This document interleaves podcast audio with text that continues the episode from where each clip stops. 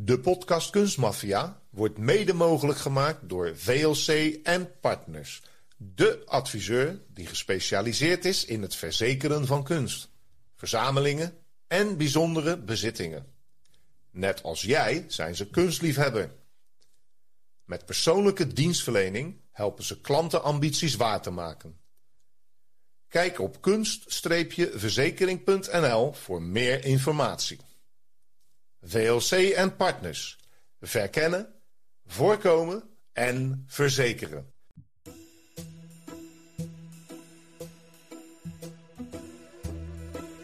Elke museumdirecteur heeft het wel eens meegemaakt. Een onhandige bezoeker die struikelt, een selfie-stick door een schilderij prikt of met een onderzoekende vinger iets omduwt. Dit is Kunstmafia. Met deze keer de meest tenenkrommende ongelukjes en valpartijen in de internationale kunst- en antiekwereld. Door Rick Bouwman en Robert Lettero. Deze keer zaak 18. Scherven brengen geluk, behalve in het museum. Ja, daarover gesproken, Robert. Ken jij dat bordje? Niet aanraken. Nat. Ja, En dat de mensen dan juist met de vinger even gaan controleren of het al droog is. Dat dus. ja, ja, wij zijn ook mensen, hè Rick? Ja, dat zeker. Maar als dat nou in een museum gebeurt, dan hangt daar wel eens een bordje kunstwerk niet aanraken. Misschien is dat ook wel het slechtste idee wat een museumdirecteur kan ophangen dan. Ja, nou ja, afgelopen maand was het dus weer zover. Ditmaal in Miami. Er was een bezoeker in een museum en die negeerde alle waarschuwingen en was ook haar gezonde verstand ineens kwijt. De vrouw raakte de iconische balloondok van Jeff Koons aan met haar vinger. Dat vertelde althans de getuigen. Het viel om en het brak in duizenden stukjes. Ja, en dat, dat ongeluk dat gebeurde tijdens een heel exclusieve VIP-openingsavond van Art Winwood. Een beurs voor hedendaagse kunst die jaarlijks wordt gehouden in Florida. Dus mensen, ja, dat zou ik ook hebben als ik daar stond, die dachten eigenlijk dat het deel uitmaakte van een onverwachte performance. Maar al snel bleek dat dat eh, niet het geval was, want de vrouw eh, kleurde rood tot diep in haar nek. Probeerde door de grond te zakken, dat lukte ook net niet. Ehm, nee, ja, nee, het was eh, echt eh, Foute boel. juist inderdaad. En dat brengt mij tot toch wel een, een, eh, een vraag, Rick.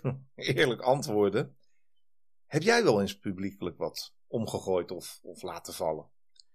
Nou, dat niet. Maar ik ben wel eens in een museum geweest eh, waar toch wat eh, wrijving ontstond tussen mij als bezoeker en de bewakingsdienst van het museum. Het was niet zomaar een museum, het was MoMA, Museum of Modern Art in New York.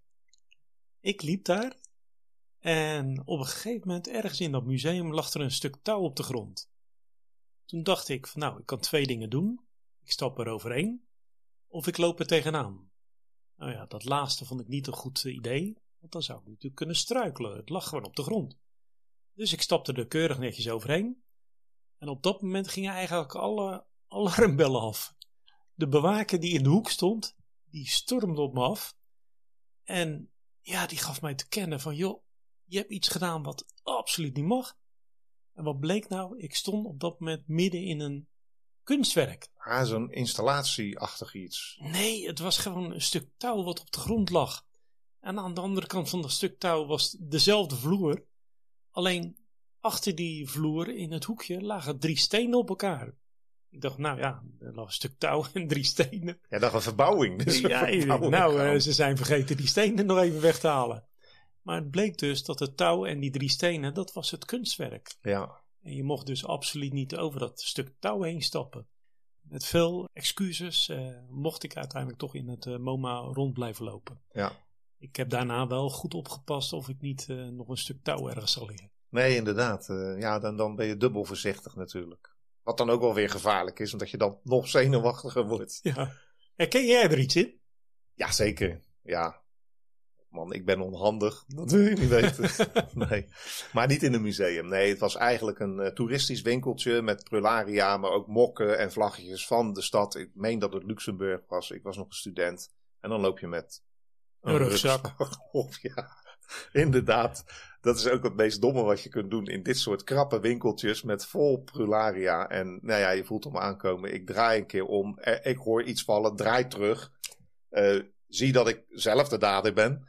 En op dat moment blijft mijn, ja, zo'n bandje hangen uh, aan zo'n ouderwetse ja, ronddraai frame waar dan aanzichtkaarten in zitten.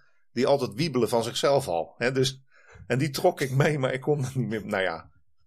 Um, het was één grote puinhoop. Het, het, het, ging van alles om. En op een gegeven moment had ik, ja, je, je hebt een schrikbeweging. Maar het enige wat ik kon doen was stil blijven staan.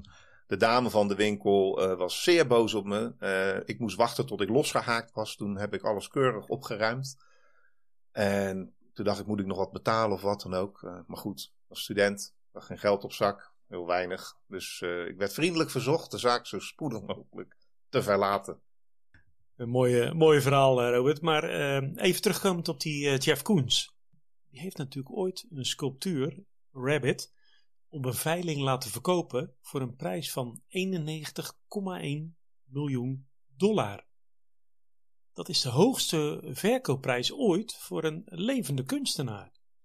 Ja, dan ben ik wel benieuwd eigenlijk hoeveel die hond was die omging. Dat viel mee hoor. Dat was maar 40.000 dollar. Oh. nou. Dus de dame in kwestie die, uh, die kwam er goed mee weg. Ja, maar als je op zo'n hele exclusieve Art Winwood komt, dan denk ik dat je dat geld ook wel op de bank hebt staan, toch? Ja, dus het viel nog mee. Nou, gelukkig maar. Toch hebben we in Nederland ook wel wat uh, zaken gehad. Uh, en eigenlijk ook met Jeff Koons weer. Ik, maar komt hij weer? Ik denk dat die man heel erg veel pech heeft. Uh, het was 2018. En in de Nieuwe Kerk in Amsterdam was een Koens tentoonstelling gaande. En dat was zijn periode van de zogenaamde gazing ball. Een grote, uh, ja, kogelronde kerstbal eigenlijk zou ik bijna willen zeggen. Die dan voor een heel mooi kunstwerk hangt. Een, een beroemd wat hij dan ook echt nageschilderd heeft. En als je daar dan naar wilt kijken, dan hangt die bal er zo voor dat je alles ook weer spiegeld zit. Nou, wat kun je met een bal verkeerd doen, Rick? Ja, dan is er altijd wel een bezoeker, let op, die probeert deze prominente glazen bol, die voor dat kunstwerk dus stond, aan te raken. Dat bedoel ik. En wat gebeurt er dan? Dan explodeert hij. en ook hierin honderden stukjes glas verspreid over de, de gehele kerkvloer. Het museum had, zoals afgesproken met de Amerikaanse kunstenaar, permanent een bewaker naast het kunstwerk staan. Zo'n man met zo'n uh, oortje. Met zijn oortje. Maar volgens mij had hij even pauze of zo. Of uh, zijn oortje deed het niet goed. Maar hij was ietsje te laat om te reageren. En de streep op de grond die uh, daar getrokken was. Er lag geen touw trouwens. maar er stond een streep gewoon op de grond. Waarom zeg je dat nou, Rick? Ja, lag geen touw. Ja, nou ja, deze stapte over de streep heen. in plaats van over een touw. Weet je wat ik denk? Dat is gewoon typisch Nederlands. Dat denk ik. En, en er is eigenlijk nog zo'n nog zo'n geval in 2014 in het Groningen Museum. Ook weer iets duurs en breekbaars. Hè? Uh, een, een, originele vaas van Jamie Hayon. En dit is wel een klassiek geval van iemand die een foto gaat maken. Nou, uh, het is natuurlijk de tijd van Instagram en mooie fotootjes maken, selfies. Ja, deze persoon loopt voor en achteruit en tikt dan ook inderdaad een vaas om. Nou ja, van deze kunstenaar. Enorme schade ook, hè? duizend stukjes. En je weet het, uh, ja, ik heb een keer gegoogeld trouwens, dat kan ik misschien wel toevoegen. Wat, doet, wat gebeurt er dan in zo'n geval? En ik heb erover nagedacht, moeten we dat nou wel of niet zeggen? Maar hier is het museum vaak voor verzekerd. Wauw. Oké, okay. wist ik niet. Maar als nou iemand dit zou horen uh, in onze podcast-uitzending en denkt van, hé, hey, dit verhaal komt me wel heel erg bekend voor. Ja, dat uh, vind ik een goeie van jou, Rick. Meld je dan. En vertel de ware toedracht, want misschien wil je iets corrigeren, maar we zouden graag inderdaad een van deze mensen willen spreken. Uh, we heten Kunstmafia. We zullen je echt niet uitmaken voor crimineel. Maar het zou wel leuk zijn om te horen uh, ja, wie dat was die uh, zijn vinger drukte tegen die glazen bol. Of uh, die deze vaas al fotograferend omtikte. Ja, nou goed. Maar laten we dan even nog verder teruggaan in de tijd. En wel op vrijdag 7 februari 1845. Want toen kwam een William Lloyd, een onbekende 22-jarige schilder uit Dublin, tot de enige roem van zijn leven. Nou, hij is een kunstmafia, dus dan heb je iets gedaan wat misschien niet zo oké is. Uh, nee, niet helemaal, want in het uh, British Museum pakt hij de befaamde Portland vaas op en deze liet hij vallen. Dat klinkt opzettelijk. Dat klinkt opzettelijk, maar daar komen we zo nog even op terug. Maar daarmee verbrijzelde hij de zeldzaamste glazen vaas ter wereld. De Portland vaas, die 28 eh, centimeter groot is, is een glazen amfora uit de eerste eeuw voor Christus. De tijd dus van keizer Augustus. En deze vaas was in de 17e eeuw weer ontdekt en in het British Museum ondergebracht. En werd daar bewonderd door heel veel liefhebbers uit de gehele wereld. Nou ja, ik heb die vaas ja, opgezocht. We hebben er een plaatje van hier en dan kunnen we het zien. Het is wel glas, maar het is zwart. En daarop zit zeg maar wit relief van figuren um, onder, nou, wat zullen het zijn? Olijfbomen, half naakte Griekse goden. En ja, het is toch wel uniek dat zoiets al 17 eeuwen onbeschadigd is gebleven. Ik weet niet waar ze het gevonden hebben of dat het ergens al die tijd op een tafel heeft gestaan, maar ja, dat is uniek. Maar die uh, jongeman William, een beetje bleek geworden inmiddels. Die wordt natuurlijk gelijk gearresteerd. En die weigert zijn naam op te geven en zijn beweegredenen. Dus op weg naar het politiebureau. Daar heeft hij een week lang in uh, hechtenis gezeten. En dan ja, doet hij toch wel um, van zich spreken. Want hij weet, ja, anders, anders kom ik er nooit meer uit natuurlijk. En dan zegt hij: Ik wil anderen niet betrekken in de ontering die ik over mij heb gebracht. Ik had mij een week lang overgegeven aan onmatigheid. Oh, dat, uh, dat klinkt wel erg uh, Victoriaans. Ja, en ik moest dat toch even nazoeken. Onmatigheid en zo. Hij was dus gewoon dronken. Hij had een hele flinke kater. En nou ja, inmiddels, we weten hoe dat gaat in Engeland. De roddelpers bestond ook toen al. Um, komt alles in de krant te staan. En de lezers van de Times die eisen een openbare ranseling van de vandaal. De unieke vaas, overigens, is uh, tegenwoordig weer te zien in het British Museum. En dan staat hij geheel ongeschonden, want ze hebben hem perfectionistisch ja, in de oude staat gebracht. Maar ja, iedereen weet, Rick, een gebroken vaas kun je nooit meer helemaal lijmen. Nee, maar hij ziet er wel fantastisch uit. Jazeker. Ja, en dan hebben we natuurlijk het, eh, het, het eh, befaamde verhaal van een, eh, in dit geval een 12-jarig jongetje, die in Taiwan in een museum struikelt. Je kan je voorstellen, die probeert zich dan staande te houden. Ziet voor zich een, mooi schilderij wat vrij staat, een, een stilleven. En dat wil hij natuurlijk alle eer gunnen.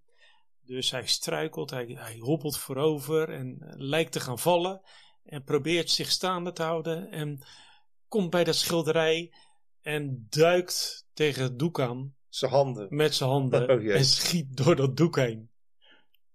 Hoe in vredesnaam gedraag je je dan als ouders? Ja, want van een twaalfjarige kan ik me dit wel voorstellen. Ik bedoel, het is vakantietijd. Uh, gaat jullie nu misschien uh, met kinderen en al een museum in?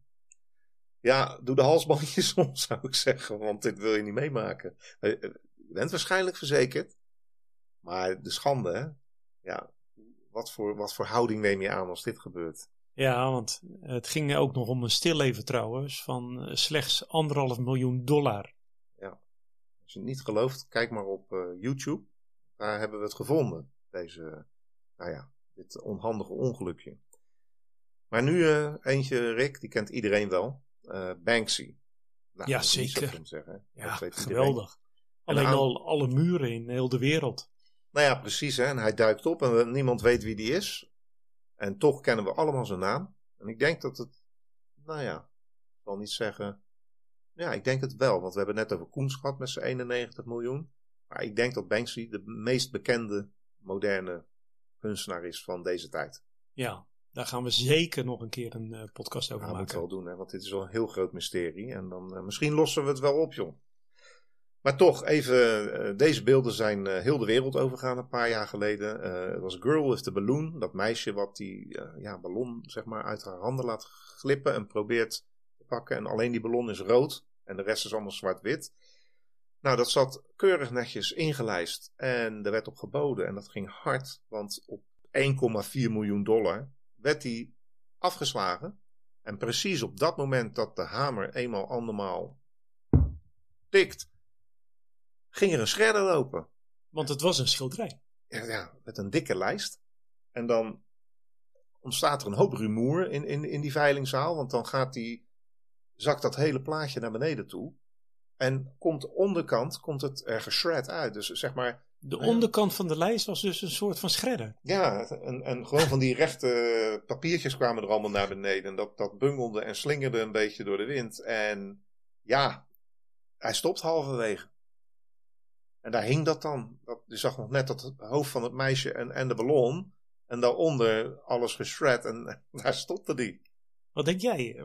Zou, zou Banksy het zo gemaakt hebben dat het inderdaad halverwege gewoon stopte? Of ja, kijk, was de schredder kapot? Het is iemand die statements maakt en, en rebels is. Dus ik denk dat hij eigenlijk alles wilde shredden. Want hij heeft er een hekel aan dat werk van hem wordt geveild. Maar daar krijgt hij geen geld voor. Aan de andere kant, hij is na afloop uh, niet langsgekomen om een statement te geven voor de pers. Want ja, dan verraadt hij wie hij is. Dus ik weet het niet. Het was een stunt. En nou ja, zelfs voor de kopers op dat moment, die dachten dat ze de geld kwijt waren. Uh, hij is inmiddels al voor een veelvoud opnieuw verkocht. En dit keer ging de shredder ook niet verder. Dus, uh, maar wel tot halverwege. Het is eigenlijk een nog beroemde kunstwerk geworden. En je weet, als het beroemder wordt. Gaat het meer opleveren? Precies. Nou ja, en als we het daarover hebben, dan is een casino ook altijd in beeld natuurlijk. In 2006 toonde een Amerikaanse casinomagnaat, Steve Wine, een van de beroemde schilderijen van Pablo Picasso. Die toonde hij aan een uh, groep vrienden van hem, Le Rêve. Dat is uh, de Picasso. Het was de avond voordat hij dit schilderij zou uh, laten veilen. Maar op die avond stapte hij achteruit en stak hij per ongeluk met zijn elleboog dwars door dat schilderij heen. Het lijkt alsof hij zich om wilde draaien met een zwaai en zei: Hier, ja. kijk eens naar het schilderij, wat morgen heel veel geld gaat opleveren voor Ja, alleen het doek was niet sterk genoeg voor uh, zijn elleboog. Inmiddels werd in Amerika de elleboog genoemd de elleboog van 40 miljoen dollar.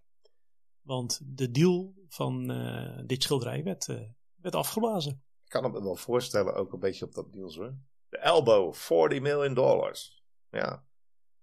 Nou, in 2006, dus een aantal jaren daarvoor, nee, hetzelfde jaar zelfs, Nick Flynn. Ja, is misschien wel de onhandigste in uh, dit hele rijtje van ongelukken. Hij struikelde tijdens een wandeling door het Britse Fitzwilliam Museum in Cambridge over zijn schoenveten. Nou ja, eigen schuld, toch eigenlijk wel. En wat gebeurt er? Hij, ja, valt net zoals jij dat net bij dat jongetje, zeg maar. Maar hij valt tegen een hele grote Chinese vaas aan. En nou ja, totale waarde 225.000 euro. Maar hij, hij gaat door. Als een soort kegelbal. Kegelt nog twee vazen om. Ja, en daardoor lagen er natuurlijk op de grond miljoenen stukjes hoogwaardige keramiek uit de King Dynasty. En de hij Chinese. King Dynasty. En hij lag ertussen. Ja, drie vazen omgegaan. En Flynn, eh, die door de Engelse roddelpers eh, gevonden werd. En dus ook landelijk aan de schandpaal werd genageld. Die verklaarde: Ik had niet verwacht dat de vaas los zou raken. En over de vensterbank tegen de andere twee zou botsen. Ik weet zeker dat ik alleen de eerste heb geraakt. De andere twee vielen als een stel dominostenen. Ik kan met mijn hand op mijn hart zeggen dat het niet opzettelijk was. Ja, ja ik, ik geloof hem wel. Maar dit is natuurlijk, uh, ja, het is een beroemd iets geworden. Ik heb een, uh, een, boek gelezen van Bill Bryson, dat is een soort komiek. En die komt ook met dit voorval terug. En die gaat dan kijken op die plek. Want ze staan weer op dezelfde plaats. En die begrijpt dan niet hoe je dat voor elkaar gekregen kunt hebben. Maar goed, dat terzijde. Het was Ehm, denk ik een goede bowler ook of zo. Ja, ik denk het wel. Of ja, je kunt ook wel eens vallen, weet je, dat je maar probeert rechtop te blijven en dus zeg maar een langere afstand aflegt. En ja, dan, ja, dan, dan door dat hele zwikkie heen valt. Nou ja, goed, ehm het zal wat van zeggen. Ik heb eh, zelf één keer meegemaakt een kunststuk dat verwoest werd. Ik was daar niet bij, maar ik heb wel het kunstwerk gezien. Dat was eh, de Museumnacht 2011 in Rotterdam hier. En in het Boymans van Beuningen lag eh, de pindakaasvloer van Wim T. Schippers. En die wordt dan bewaakt. Want is s'nachts en er komt natuurlijk ook publiek voorbij wat al eh, wat gedronken heeft in de kroegen. En die houden dan de boel in de gaten of iedereen wel netjes er langs blijft lopen. En helemaal rondom, je kent het wel van die touwwerken, maar dan in die boogjes met, eh, weet je, door die paaltjes heen. Als een soort wat je wel eens naast een rode loper ziet. Zag er heel sfeervol uit. Het rook enorm sterk. Lekker Kalf. luchtje als je flink gedronken Ja, hebt. ook dat. Pindakaas. Het hele museum rook naar de pindakaas. En eh, ook die grote Calvé-emmers en dan die mesjes en lepels erbij, waarmee ze dat helemaal netjes hadden ingesmeerd. Want het is wel een paar centimeter dik. Dus ja, er zijn dan altijd mensen die proberen te kijken. Is het echt? Is het nat, Rick? Rond even die vinger. Nou ja, en dan kwamen natuurlijk die gasten, die mannetjesputters naar je toe. Afijn. Leuk om te zien, want hij wordt eh, maar heel zelden gemaakt. Laatste dag van eh, de tentoonstelling kwam Wim T. Schippers in het nieuws. Want er was iemand op de laatste dag dwars door die pindakaasvloer heen gaan rennen. En die werd ook nog als een soort, ja, rugby tackle werd die onderuit gehaald door die mannetjesputters. Met hun Was nette dat, eh, pakken. was dat in die pindakaas? In de alle drie? pindakaas, ja, allemaal. Dat was natuurlijk één grote. En dat wordt, nou, ik weet niet, het is volgens mij niet gefilmd. Maar er kwam natuurlijk wel een persstatement. En s'avonds zat eh, Wim T. Schippers in de talkshows te vertellen van, ja, er zijn altijd mensen die het eh, verzieken. Maar we kennen Wim T. Schippers als een komiek toch eigenlijk ook wel. En een eh, bijzondere kunstenaar. Het zal mij niet verbazen als het hier een beetje met opzet is gebeurd. Ja, aandacht getrokken. Mooi gedaan. Maar we zijn nu met deze zaak 18 bezig. En we hebben natuurlijk de afgelopen afleveringen diverse zware zaken besproken. Eh, uit de Tweede Wereldoorlog, rondom de Tweede Wereldoorlog. Nou, ik hoop dat deze toch wat luchtiger was vandaag. We wilden En- wel even een beetje lachen in de vakantie. Ja, eh, Rick. precies. En eh, mensen zijn nu op vakantie, luisteren ook wellicht. En ja, als ze dan met de kinderen naar een museum gaan, let even op, zou ik zeggen. Maar wat ik toch ook gelijk even nog wil, wil mededelen, dat ik alle mensen die luisteren naar onze podcast, en dat zijn er inmiddels he- heel erg veel, eh, wil ik erg bedanken voor het feit dat ze luisteren. En daarnaast wil ik ook de mensen die ons een eh, klein tipje hebben gegeven, eh, ook ontzettend danken. Want we doen het niet voor, voor die paar centen. Maar we vinden het natuurlijk wel leuk als we op deze manier ook gewaardeerd worden. En daardoor kunnen wij af en toe eens een microfoontje erbij kopen. Of koek. Of een koekje. Volgende aflevering eh, gaan we alweer naar zaak 19 toe. En dan gaan we weer terug eh, de Tweede Wereldoorlog, want het verhaal gaat verder. We gaan door tot aan de Monuments Man, eh, die iedereen wel kent natuurlijk, die dan uiteindelijk heel veel kunst terugvindt. Maar zover zijn we nog niet. Is dat niet met eh, George Clooney ook? Eh, Jazeker. de ja. film? Ja, en Matt Damon. Ja, precies. En ehm, dan gaan we eerst doen, Rick, in Frankrijk, in Parijs, Rose Valland. De redster van het Franse erfgoed. Dat wordt zaak 19. Hoeveel doen we er nog, denk ik? Een stuk of vijf, hè? Daar hebben we wel een voorraad voor. Absoluut. Dus, eh, nou, mensen, prettige vakantie. Blijf luisteren. Luister jij graag naar Kunstmafia en wil je Rick en Robert ondersteunen? Ga dan, als je wat kan missen, naar fooiepot met een d.com slash kunstmafia. En geef daar een digitale fooi. Dus fooiepot.com slash kunstmafia.